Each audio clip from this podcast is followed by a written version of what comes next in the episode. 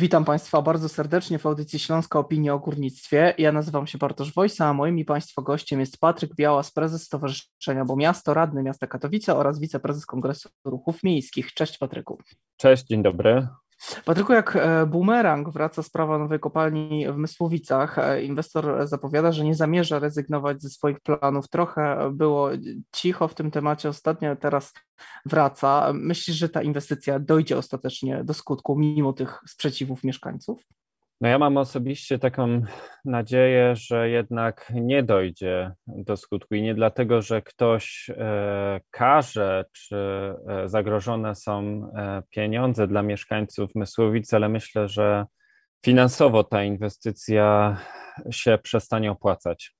No właśnie, bo nawet prezydent e, Mysłowic Dariusz Wójtowicz, który wcześniej e, pozytywnie zaopiniował wniosek dotyczący inwestycji, teraz postanowił się z tego wycofać i prosi e, rząd, tutaj był chyba wniosek bodajże do pana premiera o anulowanie zgody na budowę zakładu. Może to dość oczywiste pytanie, ale jak myślisz, czemu prezydent zmienił zdanie? Czy właśnie te środki z funduszu zaważyły? Ja myślę, że w końcu prezydent Mysłowic y, zaczął zwracać uwagę z jednej strony na to, y, w którym kierunku idzie polityka Unii Europejskiej, a co za tym idzie europejskie finansowanie, tak bardzo potrzebne również Mysłowicom, a z drugiej strony zaczął też zwracać uwagę na to, y, czego oczekują mieszkańcy. I myślę, że dużym zaskoczeniem dla niego było to, jak mieszkańcy e, zorganizowali się wokół e, protestu przeciwko nowej kopalni, jaka siła e, społeczna zaczęła im towarzyszyć. Więc myślę, że to jest dobra decyzja prezydenta Mysłowic. Myślę, że dobrze, że w końcu się ekologicznie nawrócił i z jednej strony mając na szali dobro mieszkańców, e, a z drugiej strony utratę bardzo dużych e, pieniędzy, tak bardzo potrzebnych e,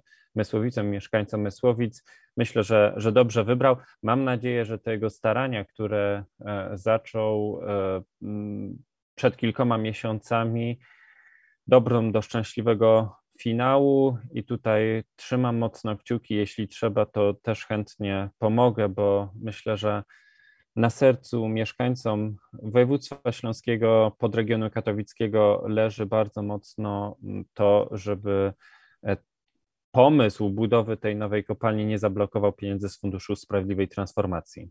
Mhm. Zatrzymajmy się na chwilę przy tym funduszu, bo inwestor Brzezinki przekonuje, że e, inwestycje można pogodzić ze środkami z funduszu unijnego. Czy to jest faktycznie możliwe?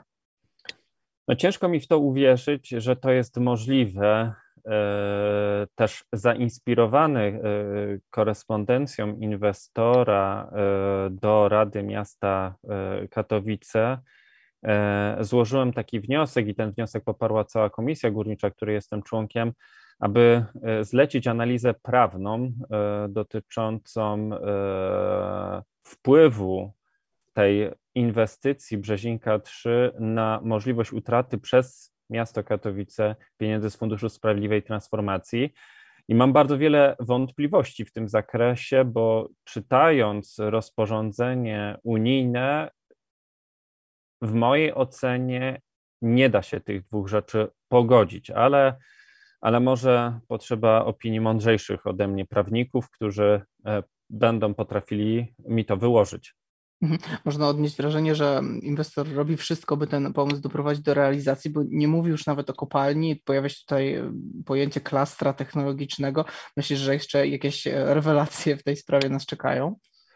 No, z jednej strony to potrafię zrozumieć inwestora, który już zainwestował trochę czasu i środków w to, żeby ten projekt się udał który tak bardzo mocno się stara, żeby e, opakować ten projekt e, dobrą komunikacją, i tutaj w sferze komunikacyjnej e, bardzo duże ma osiągnięcia.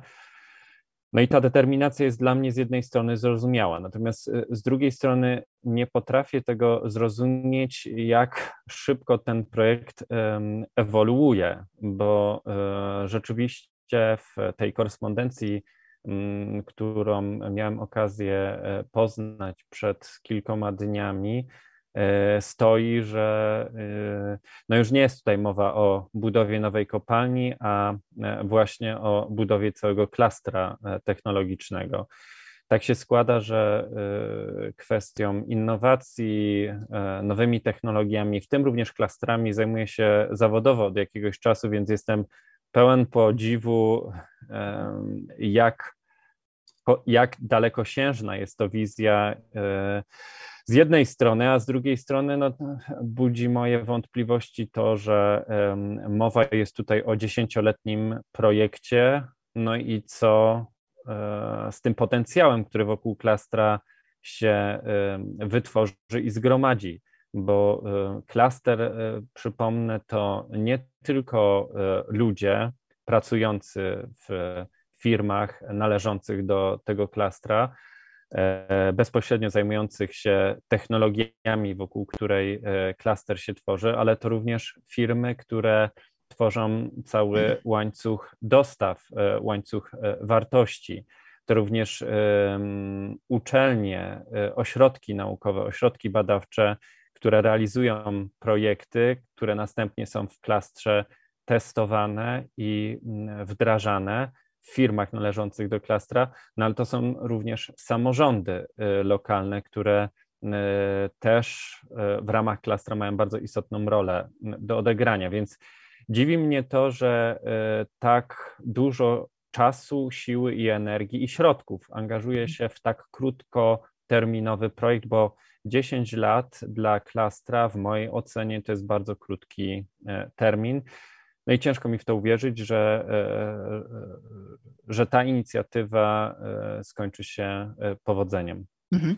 Jak to wszystko ma się do planów odejścia od węgla? Bo przypomnijmy, że zgodnie z umową społeczną, której los w Komisji Europejskiej wciąż jest zresztą niepewny, powinniśmy zlikwidować górnictwo węgla kamiennego w Polsce najpóźniej do 2049 roku. Brzezinka e, miałaby być kopalnią prywatną, więc teoretycznie jej te zapisy nie dotyczą, ale czy takie inwestycje i trochę, przynajmniej początkowo, zgoda w pewnego rodzaju miasta na takie inwestycje nie kłócą się z samą ideą zmian i transformacji energetycznej? No w mojej głowie się to nie mieści, żeby te dwie e, rzeczy ze sobą połączyć, bo z jednej strony mamy europejską politykę klimatyczną, określoną e, w Europejskim Zielonym Ładzie, e, cały pakiet legislacji gotowi na 55 i ta determinacja Komisji Europejskiej, zresztą Parlamentu Europejskiego również jasno pokazują, że e, Unia Europejska zmierza w kierunku dekarbonizacji, neutralności klimatycznej, tej zielonej i cyfrowej e, transformacji. A z drugiej strony mamy tutaj na szali właśnie pomysł otwierania nowego projektu wydobywczego, projektu, który ma polegać, ja przypomnę, na produkcji paliw kopalnych i później wprowadzania tych paliw kopalnych do gospodarki, w tym przypadku do gospodarstw e, domowych, więc e, jest to inwestycja, która stoi w sprzeczności z ideą e, dekarbonizacji i neutralności klimatycznej, więc ciężko mi to sobie wyobrazić jakich argumentów e, inwestor e, użyje po to, żeby przekonać w pierwszej kolejności e, władze Mysłowic, a później no, nie wiemy jeszcze, czy to będzie Urząd Marszałkowski, czy, czy województwo, czy, czy ministerstwo, które będzie zarządzać pieniędzmi z Funduszu Sprawiedliwej Transformacji, po to, żeby Mysłowice, mieszkańcy Mysłowic byli beneficjentami e, programu czy regionalnego planu sprawiedliwej transformacji. Mhm. Skoro o odejściu od węgla mowa, powiedzmy może parę słów o niedawnej deklaracji, jaką Polska podpisała podczas szczytu klimatycznego w Glasgow. Ty byłeś tam na miejscu, więc może spróbujesz nam wyjaśnić, kiedy w końcu mamy odejść od tego węgla, bo mam wrażenie, że rząd e, gubi się już w tych wszystkich datach, o których mówi i deklaracjach, które podpisuje. No tak, no po pierwsze warto zwrócić uwagę na to, że e, na szczyt klimatyczny pojechała świeżo mianowana pani minister e, klimatu i e, środowiska. Więc zrzucam na karp braku doświadczenia to, że złożyła podpis pod tym porozumieniem które zawarło wiele krajów uczestniczących, czy liderów nawet krajów uczestniczących w szczycie klimatycznym. No i rzeczywiście w tym porozumieniu, które wtedy zostało zawarte, była mowa o tym, że, że kraje rozwinięte E, w latach 30. odejdą od węgla, a kraje rozwijające się w latach 40. No i tutaj jest poważne nieporozumienie, dlatego że nie przekonują mnie te tłumaczenia dnia następnego po podpisaniu e, rzecznika e, ministra klimatu i środowiska, a później również pani minister o tym, że E, Polska jest krajem rozwijającym się i w latach 40. to jest również rok 2049. E, ja tylko przypomnę, że e, Polska jest krajem rozwiniętym, jest 23. gospodarką OECD, więc tutaj zgodnie z tym, co zostało podpisane, obowiązuje nas ta pierwsza data, czyli lata 30. To są polityczne zobowiązania i, i, i mam nadzieję, że konsekwentnie rząd polski te e, zobowiązania czy te deklaracje złożone na szczycie klimatycznym będzie realizował, bo e, szybkie odejście od węgla w Polsce jest e, dobre nie tylko dla gospodarki, ale również dla mieszkańców, bo mówimy tutaj o ratowaniu planety. Co jeszcze ważnego dla Polski, ale także mm, Europy i właściwie całego świata można wynieść po, po tym kopie, bo pojawiły się mm, takie głosy, że w zasadzie nic konkretnego z tego typu wydarzeń się nie wynosi. Nawet Greta Thunberg mówiła, że zmiana nie nadejdzie stamtąd. Czy ty masz podobne odczucia, że to jest bardziej PR-owe wydarzenie, czy jednak e, inaczej uważasz?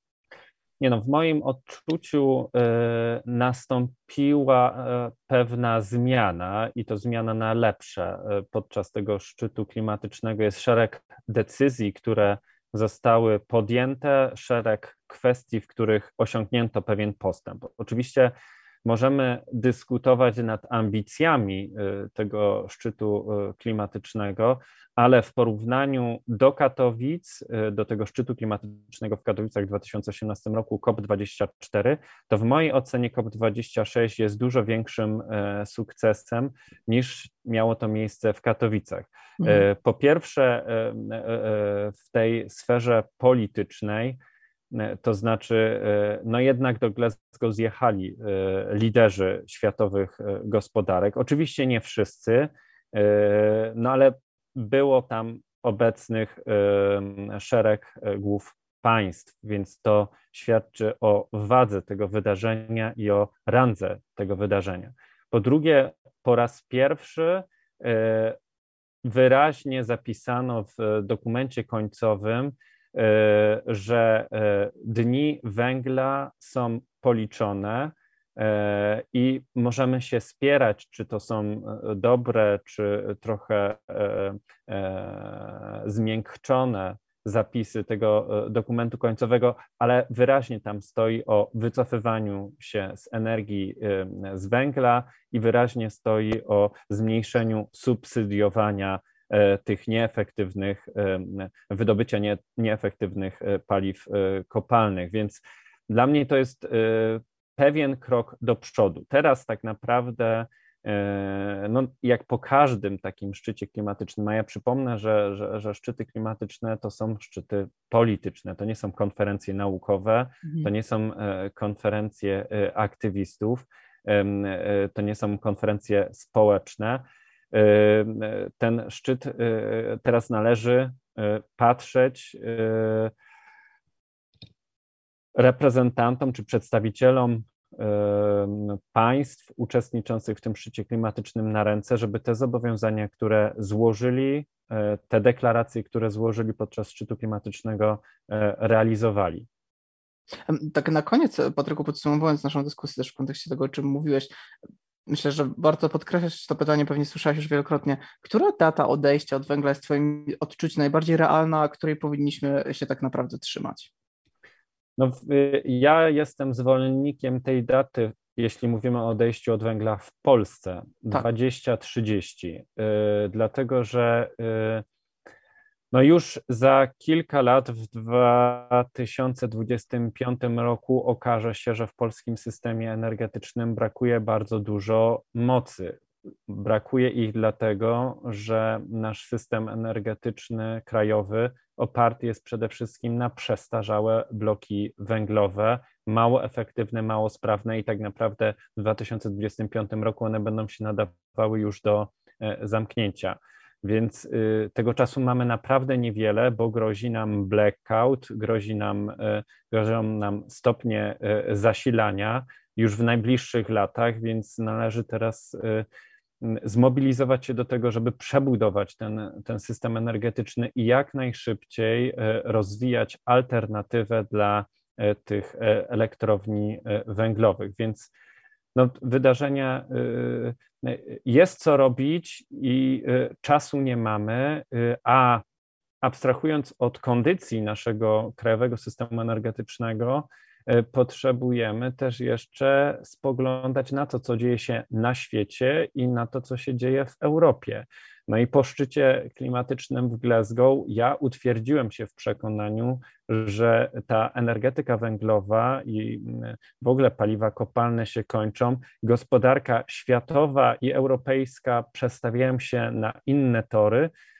No i żeby wsiąść do tego pociągu, to nie powinniśmy się oglądać, gdzie jest koniec tego pociągu, tylko gdzie jest początek tego pociągu, żeby zdążyć otworzyć drzwi i wsiąść do tego pociągu. Patryku, dalszym losom kopalni w węgla i całej transformacji energetycznej będziemy się z pewnością przyglądać. Tutaj jeszcze ważna informacja dla naszych e, słuchaczy o sprawach dotyczących górnictwa, klimatu i nie tylko. Możecie Państwo codziennie czytać na naszej stronie internetowej śląskoopinie.pl. A ja dziękuję Ci bardzo za rozmowę. Naszym gościem był Patryk Białas, prezes Stowarzyszenia Bo Miasto, radny miasta Katowice oraz wiceprezes Kongresu Ruchów Miejskich. Dziękuję bardzo. Dziękuję bardzo.